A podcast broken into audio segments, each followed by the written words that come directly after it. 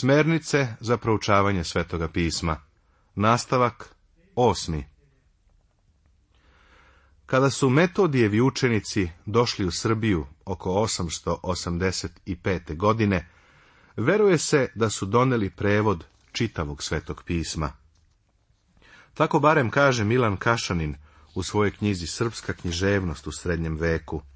Narod je tako mogao da sluša i da razume Božiju reč. Kada je 1019. godine osnovana Ohridska arhijepiskopija, tadašnja Srbija pada pod veći vizantinski uticaj. Osnovano je šest episkopija. Niš, Braničevo, Beograd, Sremska Mitrovica, Prizren, Lipljan i Ras. U svim ovim episkopijama služili su sveštenici grčkoga porekla.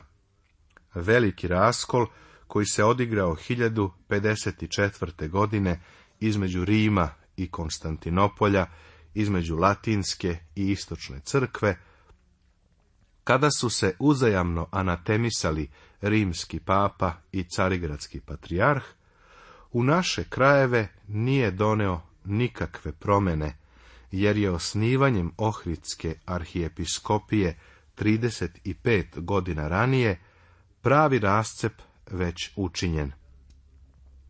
Ne prihvatajući vizantinsku crkvenu vlast na Balkanu i u skladu sa šizmom, raskolom, rimski papa je 1089. godine Dubrovniku dodelio rang i prava arhijepiskopije i dodelio mu srpske zemlje, Zahumlje, Srbiju i Travuniju, gradove Budvu, Bar i Ulcinj. Još od 9. i desetog veka Srbi u rasu formiraju centar Nove Srbije, kojim vladaju veliki župani. U vreme jakih borbi Vizantije i Bugarske za preuzimanje sveukupne vlasti nad pravoslavnim svetom i gradnje veličanstvene crkve Svete Sofije u Konstantinopolju kao simbola te buduće pobede, Raška episkopija je bila podređena čas jednoj, čas drugoj strani. Ali srpska državna samosvest je jačala, tako da je sredinom 12. veka Srbija već imala sve elemente državnosti. Samostalnost jednoga naroda tada se izgrađivala i jačanjem sopstvenoga jezika, kulture i civilizacije, a Srbi su u to vrijeme već imali razvijenu prevodilačku i prepisivačku književnost. Najstariji biblijski rukopisi na srpskom jeziku Sudbina rukopisne srpske književnosti je tragična iz mnogo razloga. Prvo veliko uništenje učinili su Vizantinci, u želji da spasu svoje carstvo od propadanja krajem 12. veka, a posle njih Turci u osvajačkom nadiranju. Od 17. veka učeni ljudi i sveštenici pokušavaju da zaštite ove spomenike od propadanja, ali uspeh je polovičan. Tako se za posljednjih 300 godina više no ikada ranije raznelo iz jugoslovenskih krajeva ili uništilo mnogo čiriličkih rukopisnih knjiga i dokumenata. U 19. veku razni slavisti i istraživači razneli su mnoštvo rukopisa koji se danas mogu pronaći u Parizu, Beču, Vatikanu, Minhenu, Budimpešti, Moskvi, Sankt Petersburgu, Sofiji i tako dalje. Tokom prvog svjetskog rata a naročito 1915. godine, mnoštvo dokumenata su odneli Nemci i Austro-Ugari. Paljevina Narodne biblioteke 6. aprila 1941. godine i kasnija okupacija je sa naših područja odnela sljedeću četvrtinu ukupno poznatih rukopisa razaranje tkiva i prošlosti jednoga naroda, raznošenjem njegovog pamćenja je nastavljeno. O kakvom je značaju reč, neka posluži i sljedeći podatak. U prethodnom Sovjetskom savezu, po popisu iz 1965. godine, od 1493 rukopisna dokumenta u njihovom posedu, od iz perioda od 11. do 14. veka preko 300 rukopisa je srpskih. Rat 1991. godine udaljio je još oko 450 rukopisa od naroda čijoj baštini pripadaju, jer se sada nalaze u muzejima drugih država, tako da nam je danas ostalo još oko 1500 rukopisa i fragmenata koji su razbijeni u mnoštvo zbirki, izložbi, legata, arhiva i čije detaljno popisivanje i utvrđivanje još nije učinjeno.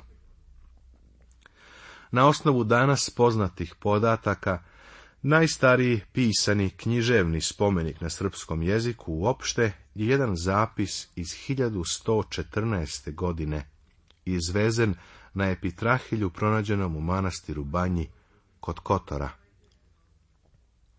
Osnov rane srednjovekovne srpske književnosti čine prevodi biblijskih tekstova iz 10. i 11. veka, rodoslovi vladara po srpskim zemljama i crkvene knjige.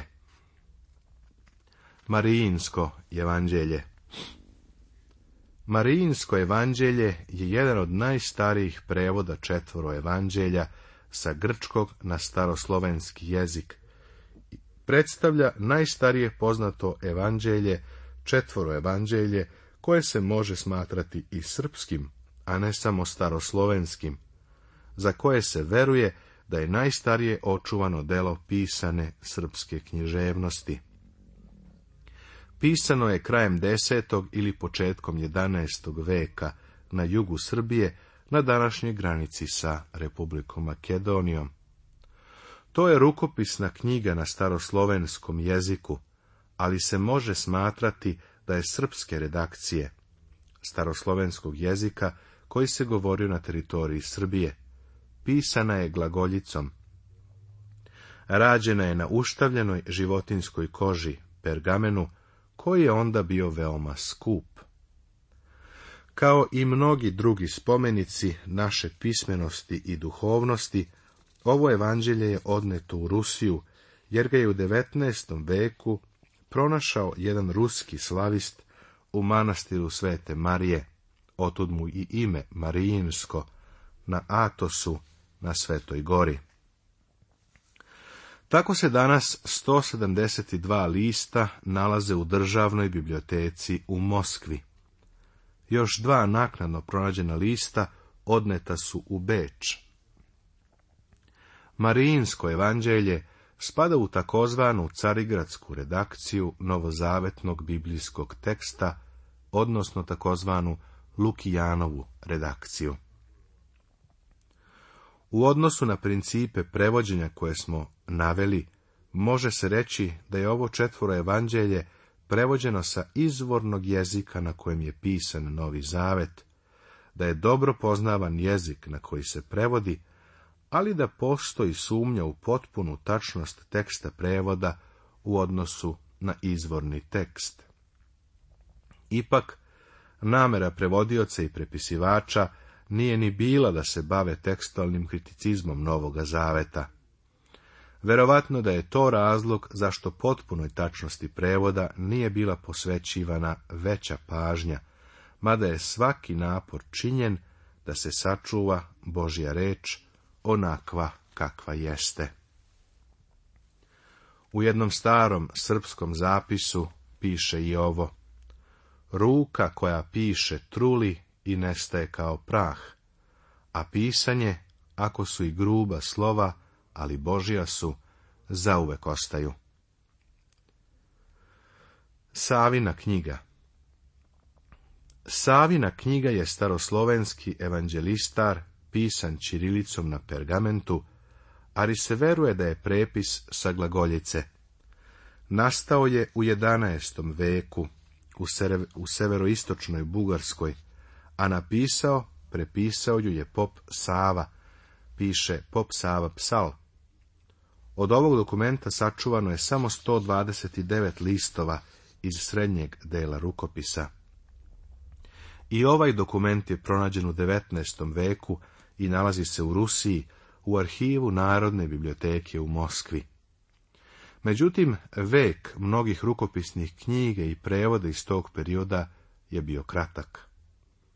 Misli se da su glagoljske i čirilične knjige iz centralnih jugoslovenskih oblasti koje su pisane u toku 10., 11. i 12. veka, nestale krajem razdoblja vizantijske reokupacije Balkana, posljednjih decenija 12. veka, u planskoj i oštroj akciji pogričavanja, uništavanjem slovenske pismenosti. Iz tog perioda ostalo je sačuvano ukupno desetak staroslovenskih, glagoljskih i ćiriličnih tekstova. Tek iz posljednjih godina 12. veka sa područja srpskih zemalja sačuvani su neki rukopisi srpske redakcije, a među njima su najpoznatiji Miroslavljevo evanđelje, nastalo verovatno 1185. godine, i Vukanovo evanđelje, nastalo oko 1197 do 99. godine. Miroslavljevo jevanđelje Biblijski tekstovi odigrali su presudnu ulogu ne samo u evangelizaciji srpskoga naroda, nego i u formiranju estetike, poetike i čitavog pogleda na umetnost kod Srba, zapisano je u zborniku Istorija srpskog naroda. Najstarije delo domaće književnosti, spomenik crkveno-slovenske književnosti srpske recenzije, Miroslavljevo evanđelje, imalo je burnu istoriju.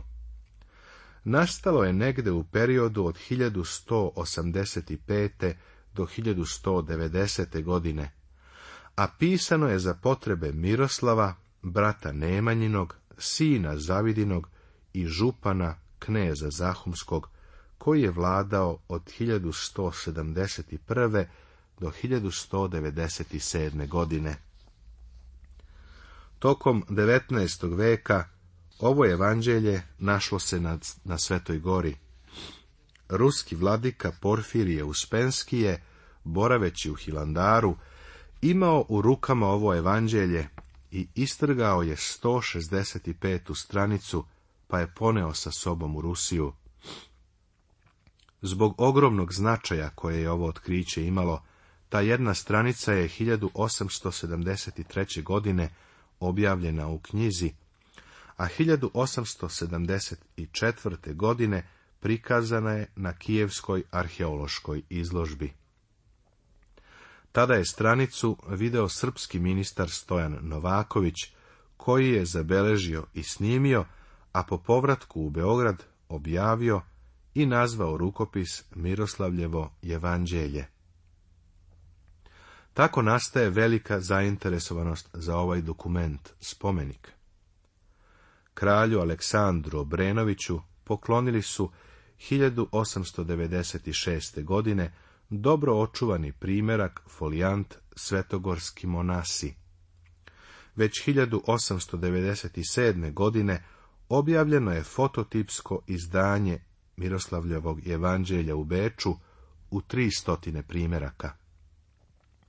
Po ubistvu kralja Aleksandra 1903. godine Miroslavljevo evanđelje nestaje. U Nišu je 1915. godine pronađeno ponovo, predato zatim regentu Aleksandru Karađorđeviću, koji ga je onda ostavio u kraljevskoj riznici. Sada se čuva u Narodnom muzeju u Beogradu pod inventarskim brojem 1536. U Beogradu se nalazi 180 stranica, a istrgnuta stranica nalazi se u javnoj, publičnoj biblioteci u Sankt Petersburgu u Rusiji. Tekst Miroslavljevog evanđelja je pisan na belom pergamenu, životinskoj koži, u dva stupca, Najveći deo teksta ispisao je anonimni pisar, koga su ranije nazivali Varsameleon, pošto je grčka reč na kraju teksta pogrešno protumačena i prevedena, a to znači balzamovo ulje. Drugi pisar, za koga se pretpostavlja da je napisao sam posljednje tri stranice i da je uradio jedan deo minijatura, zvao se Gligorije Dijak što znači pisar ili đakon. Gligorije je bio svetovno lice i pretpostavlja se da je bio profesionalni svetovni prepisivač duhovnih knjiga. Ja, grešni Gligorije, dijak, nedostojni, nareći se dijak, ukrasih ovo evanđelje zlatom, knezu, velikoslovnome Miroslavu, sinu Zavidinu. A mene, gospode, ne zaboravi grešnoga, no sačuvaj me sebi. Piše u zapisu Gligorija Dijaka na posljednjoj stranici Evanđelja kneza Miroslava, za koje se veruje da je nastalo pre 1190. godine. Treba primetiti da je knjiga ispisana, a inicijali i ornamenti oslikani sa takvom sigurnošću da se može pretpostaviti da su to radili po narudžbini. Kao i da su pisali i oslikavali i druge knjige, a ne samo evanđelja. Prepisivača je bilo više i veruje se da su svoja dela stvarali u bijelom polju, koji je bio utvrđeni grad kneza Miroslava pri crkvi Svetog Petra, koja je poznata po tome što ima veoma neobičan šestougaoni osnov i koja se smatra jednom od najstarijih crkvi na našim prostorima uopšte. Pri crkvi je postojao skriptorijum u kome su se pisale razne povelje, pisma, a verovatno i prepisivale knjige po ugledu na ranije već postojeće. Naučnici i istraživači slažu se da je Miroslavljevo evanđelje verovatno umetnički najlepša knjiga srpske književnosti. U svakom slučaju možemo samo da zamislimo kakvi su bili učitelji Gligorija Dijaka i njegovih bezimenih saradnika ili prethodnika i kakva su bila njihova dela i prepisi. Iako je ova knjiga najstariji čirilični spomenik na srpskom jeziku, zanimljivo je primetiti da upotrebljeno pismo sadrži već dominantne odlike srpskoga pisma, odnosno da je veoma razvijeno i zrelo. Razlikuje se od ruskog, bugarskog i makedonskog pisma toga vremena i odgovara razvoju srpskog glasovnog sistema. Može se stoga pretpostaviti da su postojala i druga ranija evanđelja na srpskom jeziku, ali da do danas nisu sačuvana ili da još uvek nisu pronađena. Tako je Miroslavljevim evanđeljem formirana i rana srpsko-slovenska ortografija, koja se u nauci o jeziku naziva još zetsko-humskom ortografijom kada je prvi Srbin prepisivač starih sveštenih knjiga jamačno u nekom manastiru radeći, uzeo pri prepisivanju popravljati jezik tih knjiga i unositi u njega osobine svoga maternjega jezika, to je momenat kada se srpska književnost rodila, piše Pavle Popović u svojoj istoriji srpske književnosti, odnoseći se na najstarije evanđelje u Srbiji, na Miroslavljevo evanđelje. Nastavit će se.